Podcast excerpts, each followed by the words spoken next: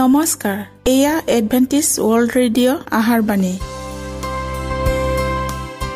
ঊনৈছ মিটাৰ বেণ্ডত পোন্ধৰ হাজাৰ পাঁচশ পঞ্চাছ কিলো হাজত।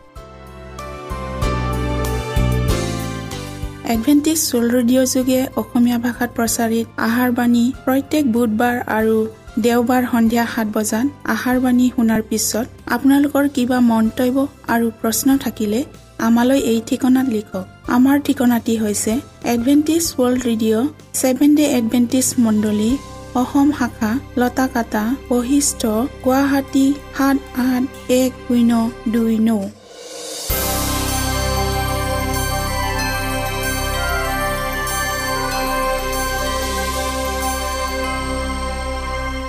প্ৰিয় শ্ৰোতা বন্ধুসকল এতিয়া শুনো আহক এটি খ্ৰীষ্টীয় ধৰ্মীয় গীত।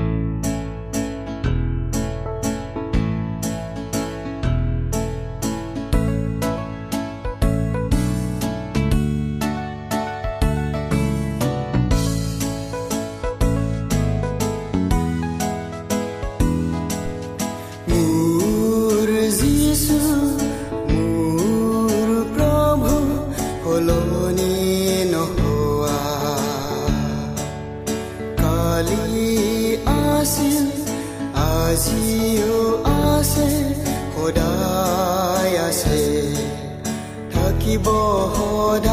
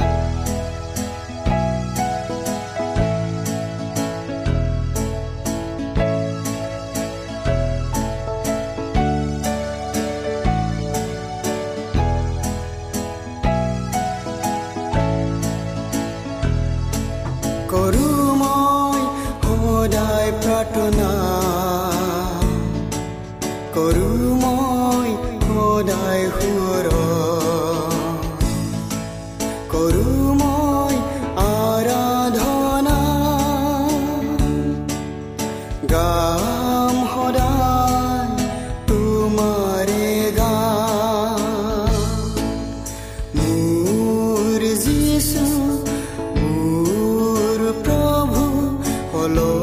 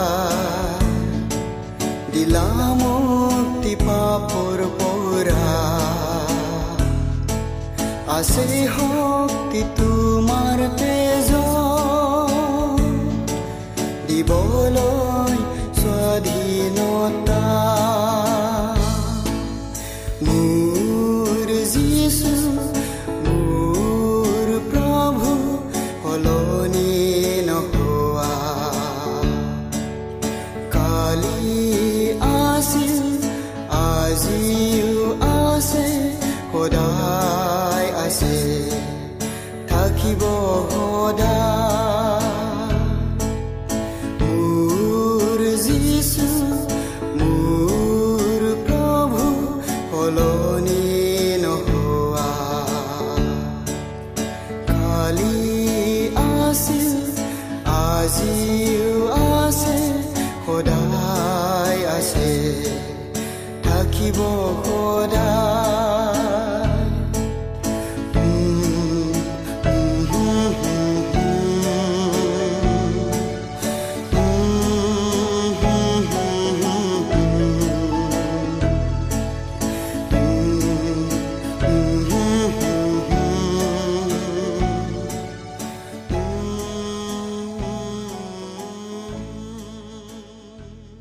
প্ৰিয় শ্ৰোতা বন্ধুসকল আহক আমি খন্তেক সময় বাইবেল অধ্যয়ন কৰোঁ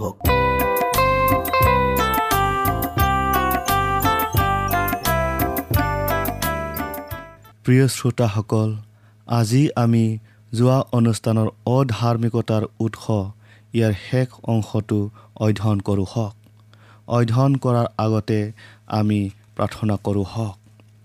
স্বৰ্গত থকা প্ৰেমময় ঈশ্বৰ যি হোৱা তোমাক আকৌ ধন্যবাদ দিছোঁ প্ৰভু এই সুন্দৰ সময়ৰ নিমিত্তে। প্ৰভু তুমি বিষয়টিৰ অধ্যয়নৰ শেষ নোহোৱালৈকে আমাৰ সংগে সংগে থাকি আশীৰ্বাদ কৰা আৰু পবিত্ৰ আত্মাৰে হৃদয় স্পৰ্শ কৰি দিয়া। যীশুৰ নামত খুজিলোঁ। আমেন। ছয়তানৰহে শ্ৰুতলিপি আছিল যাৰ বাবে জগতে কৃষ্টক প্ৰত্যাখ্যান কৰিছিল। অন্ধকাৰৰ অধিপতিজনে যীচুক ধ্বংস কৰিবলৈ তাৰ সকলো শক্তি আৰু ধূৰ্ততাক প্ৰয়োগ কৰিছিল। কাৰণ সি দেখিছিল যে ত্ৰাণকৰ্তাজনাৰ দয়া আৰু প্ৰেম তেওঁৰ স্নেহ আৰু কৰোণা নম্ৰ ব্যৱহাৰ আদিয়ে পৃথিৱী বা পৃথিৱী পৃথিৱী পৃথিৱী পৃথিৱীবাসীৰ আগত ঈশ্বৰৰ চৰিত্ৰক প্ৰকাশ কৰিছে। ছয়তানে ঈশ্বৰৰ পুত্ৰজনৰ প্ৰত্যেকটো অধিকাৰক কাঢ়ি ল'বলৈ চেষ্টা কৰিছিল।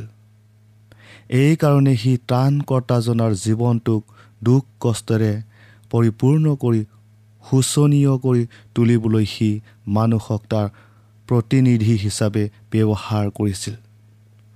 চতুৰ কূটনীতি আৰু মিথ্যাবাদ যাৰ দ্বাৰাই সি যীশুৰ কাৰ্যত বাধা প্ৰদান কৰিব বিচাৰিছিল যি ঘৃণা হিংসা অবাধ্যতাৰ সন্তানবিলাকৰ জৰিয়তে প্ৰকাশ পাইছিল।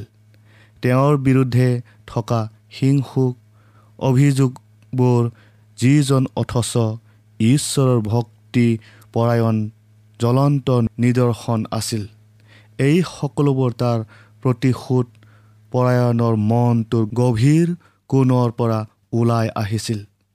ঈশ্বৰৰ পুত্ৰৰ প্ৰতি থকা হিংসা আৰু ঈৰ্জা ঘৃণা আৰু প্ৰতিশোধৰ উমি উমি জ্বলি থকা জুইকুৰা সেই কালবাৰীৰ ক্ৰোচত বিস্ফোৰিত হৈ জ্বলি উঠিছিল। যাৰ দৃশ্যটোক সকলো স্বৰ্গবাসীয়ে নীৰৱ নিস্তব্ধ ভয়ত চাই আছিল। যেতিয়া সেই মহান বলিদানটোক উৎসৰ্গ কৰা হৈছিল তেতিয়া কৃষ্ট স্বৰ্গলৈ আৰোহণ কৰিছিল। কিন্তু তেওঁ তেওঁৰ নিবেদনটোক পিতৃৰ ওচৰত নজনোৱালৈকে তেওঁ স্বৰ্গদূতবিলাকৰ মান প্ৰশংসাবোৰক গ্ৰহণ কৰিবলৈ মান্তি হোৱা নাছিল। তেওঁৰ নিবেদনটো এনেকুৱা আছিল মই থকা ঠাইত মোৰ লগত তেওঁবিলাক যেন থাকে এই মোৰ বাঞ্ছা জোখন সোতৰ অধ্যায়ৰ চৌব্বিছ পদত। তেওঁৰ আবেদনৰ উত্তৰস্বৰূপে তেতিয়া ভাষাৰে প্ৰকাশ কৰিব নোৱাৰা প্ৰেম আৰু শক্তিৰে পিতৃৰ সিংহাসনৰ পৰা এই বাণী আহিছিল। ঈশ্বৰৰ সকলো দূতে তেওঁক প্ৰণিপাত কৰক ইব্ৰী এক অধ্যায়ৰ ছয় পদত। যীশুৰ গাত এটা দাগো ৰৈ যোৱা নাছিল। তেওঁৰ দুখ যাতনা অন্ত পৰিছিল। তেওঁৰ বলিদানো সম্পূৰ্ণ হৈছিল আৰু তেওঁক এনে এটা নাম বা উপাধি প্ৰদান কৰা হৈছিল যিটো সকলোবিলাক নামৰ উৰ্দত আছিল। এতিয়া ছয়তানৰ যি অপৰাধ সেয়া এনে এটা অৱস্থা পাইছিল যি ক্ষমাৰ অতীত আছিল। তাৰ প্ৰকৃত চৰিত্ৰটো সি যে এজন মিছলীয়া আৰু নৰবধি তাক সি প্ৰকাশ কৰিছিল। এইটো দেখা গৈছিল যে সেই একেটা আত্মাই যাৰ দ্বাৰাই সি তাৰ শক্তিৰ অধীনত থকা মানুহৰ সন্তানবিলাকক শাসন কৰিছিল। সি যদি স্বৰ্গৰ বাসিন্দাসকলক তাৰ নিয়ন্ত্ৰণৰ অধীনত আনিবলৈ অনুমতি পালেহেঁতেন তেন্তে সেই একে আত্মাৰ দ্বাৰাই সি তেওঁবিলাকৰ মাজত একেই কাৰ্যকে কৰিলেহেঁতেন। সি দাবী কৰিছিল যে ঈশ্বৰৰ বিধান উলংঘন কৰিহে হেনো স্বাধীনতা আৰু পদ মৰ্যাদা আনিব পাৰি। কিন্তু এইটো দেখা গৈছিল যে তাৰ কাৰ্যৰ পৰিণাম স্বৰূপে পৰাধীনতা আৰু অঘোগতিহে আহিছিল। ঐশ্বৰিক চৰিত্ৰ আৰু আসন প্ৰণালীৰ বিৰুদ্ধে ছয়তানৰ যি মিছা অভিযোগ আছিল সেই অভিযোগ সিহঁতৰ প্ৰকৃত পোহৰতে ওলাই পৰিছিল। সি ঈশ্বৰৰ ওপৰত এই বুলি অভিযোগ আনিছিল যে তেওঁ হেনো নিজে সৃষ্টি কৰা প্ৰাণীসকলৰ পৰা বাধ্যতা আৰু সমৰ্পণ বিচাৰি নিজকেহে প্ৰশংসিত আৰু মৰ্যাদাপূৰ্ণ কৰিব বিচাৰিছে আৰু এই বুলি ঘোষণা কৰিছিল যে সৃষ্টিকৰ্তাজনাই আনক হে আত্মা বলিদানী আত্মত্যাগী হ'বলৈ কয়। কিন্তু নিজে হ'লে আত্মত্যাগো নকৰে আৰু কোনো বলিদানো নিদিয়ে। কিন্তু এতিয়া দেখা গ'ল যে পাপত পতীত আৰু পাপিষ্ট মানৱ জাতিটোক পৰিত্ৰাণ দিবলৈ বিশ্ব ব্ৰহ্মাণ্ডৰ শাসনকৰ্তাজনাই এক অতি মহান বলিদান অৰ্পণ কৰা হৈছিল যিটো কেৱল প্ৰেমৰ বাবেই সম্ভৱ হৈছিল। কিয়নো ঈশ্বৰে কৃষ্টত থাকি পৃথিৱীখনক নিজৰে সৈতে মিলন কৰি আছিল। দ্বিতীয় কৰিন্থিয়া পাঁচ অধ্যায়ৰ ঊনৈছ পদত। এইটোকো দেখা গৈছিল যে মান সন্মান আৰু আধিপত্যৰ প্ৰতি হাবিয়াস কৰাৰ দ্বাৰাই লুচিফাৰে পাপক প্ৰৱেশ কৰিবলৈ যেতিয়া দুৱাৰ মুকলি কৰি দিছিল তেতিয়া পাপক ধ্বংস কৰিবলৈ কৃষ্টই নিজকে সৰুটোতকৈও সৰু অতি নম্ৰ কৰিছিল আৰু মৃত্যুলৈকে বাধ্য হৈ থাকিছিল। শ্ৰোতাসকল ঈশ্বৰে বিদ্ৰোহৰ নীতিত বিভৎস ৰূপটোক দেখুৱাই দিছিল। ছয়তানক দোষী সাব্যস্ত কৰা আৰু মানুহক পৰিত্ৰাণ কৰা উভয় কাৰ্যতে স্বৰ্গৰ সমগ্ৰ বাসিন্দাই তেওঁৰ ন্যায়পৰণতাক দেখিছিল। লুচিফাৰে ঘোষণা কৰিছিল যে ঈশ্বৰৰ বিধান যদি অপৰিৱৰ্তনীয় হয় আৰু ইয়াৰ শাস্তিক যদি ৰেহাই দিব পৰা নাযায় তেন্তে প্ৰতিজন বিধান উলংঘনকাৰী পাপী ঈশ্বৰৰ প্ৰেমৰ পৰা সদাকালৰ বাবে বঞ্চিত হ'ব লাগিব। তেওঁ দাবী কৰিছিল পাপত পতীত মানৱ জাতিটো পৰিত্ৰাণ পাব পৰা অৱস্থাটোৰ পৰা বহু দূৰ আঁতৰি আহিল আৰু সেইকাৰণে ইহঁত এতিয়া তাৰহে সম্পত্তি। কিন্তু কৃষ্টৰ মৃত্যুৱে মানুহৰ বাবে যি চুক্তি দৰ্শাইছিল তাক পেংলাই কৰিব পৰা নাছিল। বিধান উলংঘন কৰাৰ যি শাস্তি সি তেওঁৰ ওপৰত পৰিছিল। যিজনা ঈশ্বৰৰ সমান আছিল আৰু কৃষ্টৰ ধাৰ্মিকতাৰ গ্ৰহণ কৰিবলৈ মানুহ পাপৰ দাসত্বৰ পৰা মুক্ত হৈছিল আৰু অনুতপ্ত আৰু অন্তৰ্দগ্ধ জীৱন এটাৰ দ্বাৰাই এনে এটা বিজয় উল্লাস কৰিব পাৰিছিল যিটো ঈশ্বৰৰ পুত্ৰজনাই ছয়তানৰ শক্তিৰ ওপৰত কৰা বিজয় উল্লাসৰ নিচিনা আছিল। সঁচাকৈয়ে ঈশ্বৰ ন্যায়পৰায়ণ আৰু যীচুক বিশ্বাস কৰা সকলোকে ন্যায় কৰোতা ঈশ্বৰ। কিন্তু কৃষ্ট যে জগতলৈ আহি নানা দুখ ভোগ কৰিলে আৰু অৱশেষত মৃত্যু ভোগ কৰিলে সেইটো তেওঁ কেৱল মানুহৰ বাবে কৰা পৰিত্ৰাণৰ আঁচনিটোক সম্পাদন কৰিবলৈকে কৰা নাছিল। তেওঁ ঈশ্বৰৰ বিধানক উত্তোলিত আৰু উজ্জ্বলিত কৰিবলৈ আৰু ইয়াক অধিক মাননীয় কৰি তুলিবলৈ আহিছিল। বিধানক যেনেদৰে শ্ৰদ্ধা ভক্তি আৰু মাননীয় কৰা উচিত সেইদৰে কেৱল সমগ্ৰ এই জগতবাসীয়ে নহয় কিন্তু বিশ্ব ব্ৰহ্মাণ্ডৰ আন আন জগতসমূহৰ আগত এইটো দেখুৱাবলগীয়া আছিল যে ঈশ্বৰৰ বিধান অপৰিৱৰ্তনীয়। বিধানৰ যি দাবী তাক যদি এফলীয়া কৰি থ'ব পৰা গ'লহেঁতেন তেন্তে ইয়াক ভংগ কৰা সকলৰ প্ৰায়চিত্ৰৰ কাৰণে ঈশ্বৰৰ পুত্ৰজনাই কেতিয়াও নিজৰ জীৱনটোক উৎসৰ্গা কৰিবলৈ প্ৰয়োজন নহ'লেহেঁতেন। ই যে অপৰিৱৰ্তনীয় তাক খ্ৰীষ্টৰ মৃত্যুৱে প্ৰমাণ কৰে। এই বলিদান পিতা আৰু পুত্ৰৰ অপাৰ প্ৰেমৰ ফল।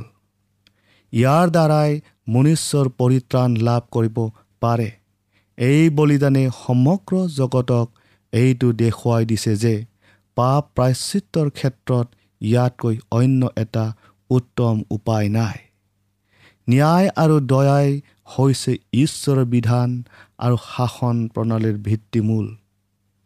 শ্ৰোতাসকল সোধ বিচাৰৰ অন্তিম ৰায় দানৰ সময়ত এইটো দেখা পোৱা যাব যে সেই সময়ত পাপৰ লেখমান অস্তিত্বকো ৰখা নহ'ব সমগ্ৰ পৃথিৱীৰ ন্যায়কৰ্তাজনাই যেতিয়া ছয়তানক সুধিব তুমি মোৰ বিৰুদ্ধে কিয় বিদ্ৰোহ কৰিছিলা আৰু মোৰ ৰাইজৰ পৰা মোৰ প্ৰজাবিলাকক কিয় ফুচলাই নিছিলা? পাপ আৰু অধাৰ্মিকতাৰ প্ৰতিষ্ঠাপকজনে তেতিয়া কোনো উত্তৰ দিব নোৱাৰিব কিয়নো তেতিয়া কোনো অজুহাত আৰু নচলিব। সকলোৰে মুখ তেতিয়া বন্ধ হ'ব। আৰু সকলো বিদ্ৰোহী দূতবিলাকৰ মুখৰ মাত নাইকিয়া হ'ব। কালবাৰীৰ ক্ৰুচডালে ঈশ্বৰ বিধান অপৰিৱৰ্তনীয় বুলি ঘোষণা কৰোঁতে বিশ্ববাসীৰ আগত এই বুলিও প্ৰচাৰ কৰিছে যে পাপৰ বেজ বা মজুৰি হৈছে মৃত্যু। সিদ্ধ হ'ল বুলি ত্ৰাণকৰ্তাজনাই মৃত্যুৰ আৰ্তনাদত ছয়তানৰ মৃত্যু ঘণ্টাটো বাজি উঠিছিল। মহাবিবাদ যি ইমান দিনে চলি আছিল তেতিয়া ই নিৰ্ণায়িত হ'ব আৰু অৱশেষত পাপক সম্পূৰ্ণকৈ নিৰ্মূল কৰা হ'ব।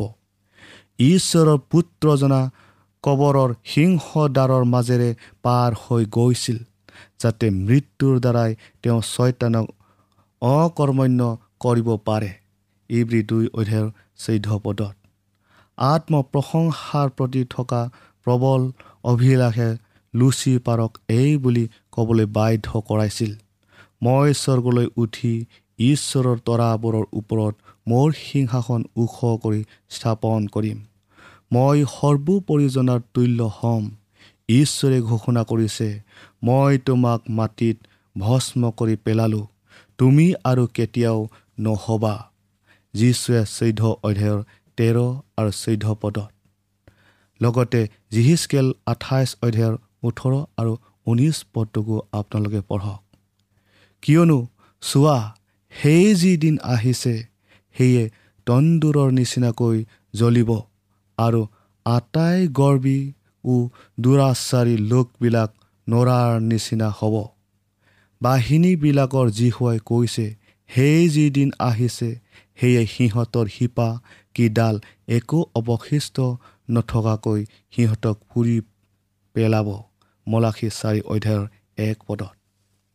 শ্ৰোতাসকল পাপৰ প্ৰকৃতিটো কি যে ঘৃণনীয় আৰু বিভৎস আৰু তাৰ পৰিণাম কি যে ভয়ানক তাক সমগ্ৰ বিশ্বই দেখিব আৰু যিটোৱে নেকি প্ৰথমতে স্বৰ্গদূতবিলাকৰ মাজত ভয় সন্ত্ৰাস আনিছিল আৰু ঈশ্বৰৰ প্ৰতি অশ্ৰদ্ধা দেখুৱাবলৈ প্ৰেৰণা দিছিল তাক নিৰ্মূল কৰিবলৈ চিঞৰাসকলে এতিয়া তেওঁৰ প্ৰেমক ত্ৰিৰান্বিত কৰিব আৰু তেওঁক ইচ্ছা পালন কৰি আনন্দিত হোৱা আৰু যাৰ অন্তৰত তেওঁৰ বিধান আছে তেনে লোকবিলাকৰ বিশ্বখনৰ সন্মুখত তেওঁৰ মান মৰ্যাদাক প্ৰতিষ্ঠিত কৰিব। দুষ্টতাক আৰু কোনো কালেও দেখা পোৱা নাযাব। ঈশ্বৰৰ বাক্যই কৈছে তেওঁ সম্পূৰ্ণকৈ অন্ত পৰিব। দ্বিতীয়বাৰ সংকট নহ'ব নহুম এক অধ্যায়ৰ নৌপদত শ্ৰোতাসকল ঈশ্বৰৰ যি বিধানক ছয়তানে দাসত্বৰ যুৱলী বুলি দোষাৰোপ আৰু দুৰ্নাম কৰিছিল সেই বিধানক স্বাধীনতাৰ বিধান বুলি শ্ৰদ্ধা ভক্তি কৰা হ'ব। পৰীক্ষা সিদ্ধ আৰু প্ৰমাণিক এখন সৃষ্টি আৰু কেতিয়াও সেইজনাৰ আনুগত্যতাৰ পৰা দ্বিতীয়বাৰ আঁতৰি নাহিব যিজনাৰ চৰিত্ৰটো অটল প্ৰেম আৰু অপাৰ জ্ঞানেৰে ভৰা বুলি তেওঁবিলাকৰ সন্মুখত সম্পূৰ্ণকৈ দেখুওৱা হ'ব। প্ৰিয় শ্ৰোতাসকল আজি আমি এই বিষয়টিৰ বিষয়ে ইয়াতে সামৰিলোঁ। আশা কৰোঁ আপোনালোকে এই বিষয়টিৰ বিষয়ে সম্পূৰ্ণকৈ বুজি পাইছে বুলি। ঈশ্বৰে আপোনালোকক আশীৰ্বাদ কৰক।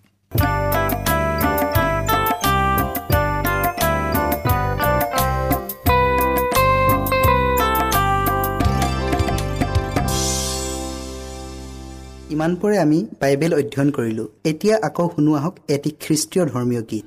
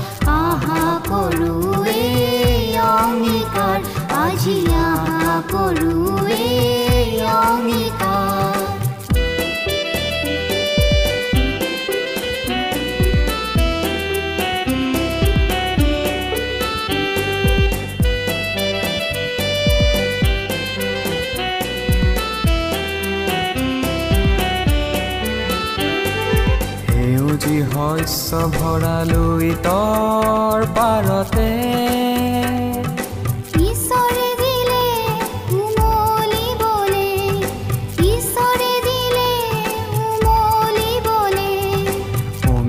মাধুৰী সানি প্ৰেমৰ বাণীৰে।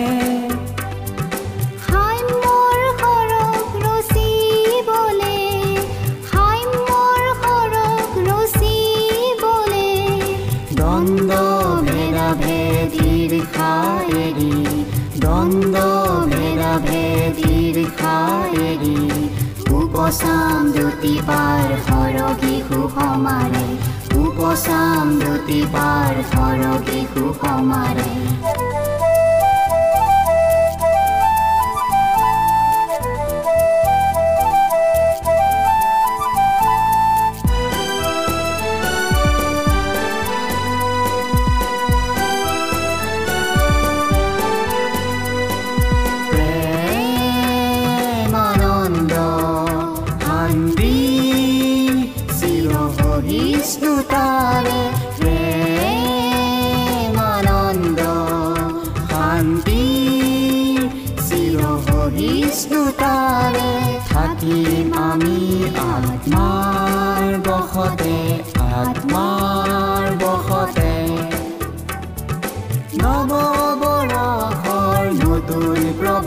আশা কৰোৱেই অংগীকাৰ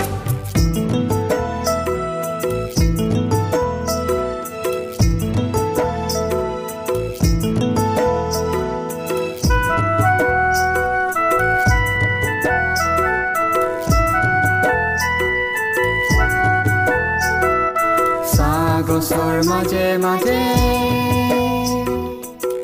মাদুলৰ তালে তালে মাজে মাজে। মাদুলৰ তালে তালে। প্ৰভু যীশুৰ জুৱলিব মাদুলৰ তালে তালে। প্ৰভু যীশুৰ জুৱলিব মাদলৰ তালে তালে। গোল খনা কলিজাতে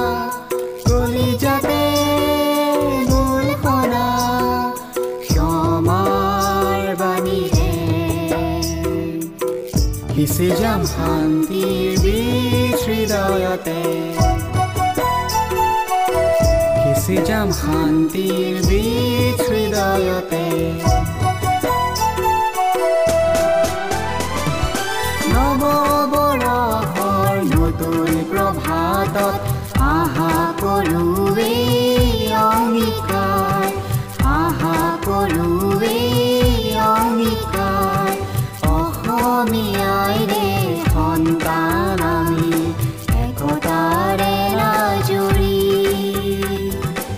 যিচুৰ নামতে থাকিম ৰঙেৰে ধৰাৰ বুকু শুৱনি কৰি ধৰাৰ বুকু শুৱনি কৰি ধৰাৰ বুকু মনত ৰাখিব আমাৰ ঠিকনাটি পুনৰ কৈ দিছোঁ।